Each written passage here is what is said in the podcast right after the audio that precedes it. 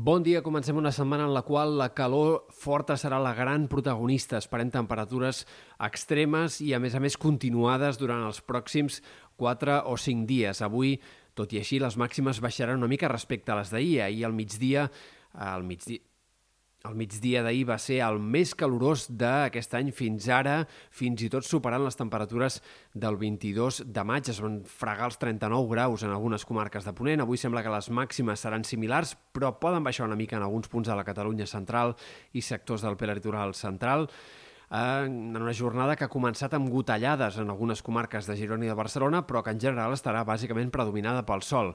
A la tarda repetiran algunes tempestes al Pirineu.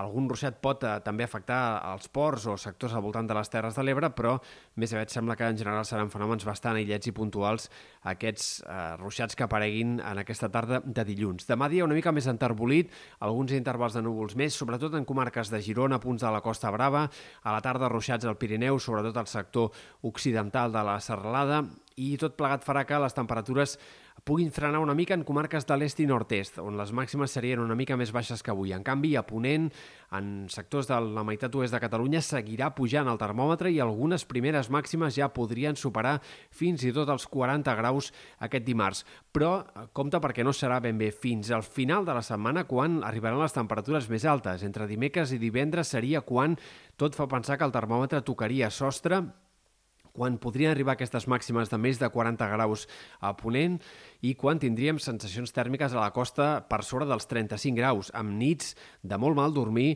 i temperatures mínimes per sobre dels 25 graus fins i tot, per tant, nits tòrrides.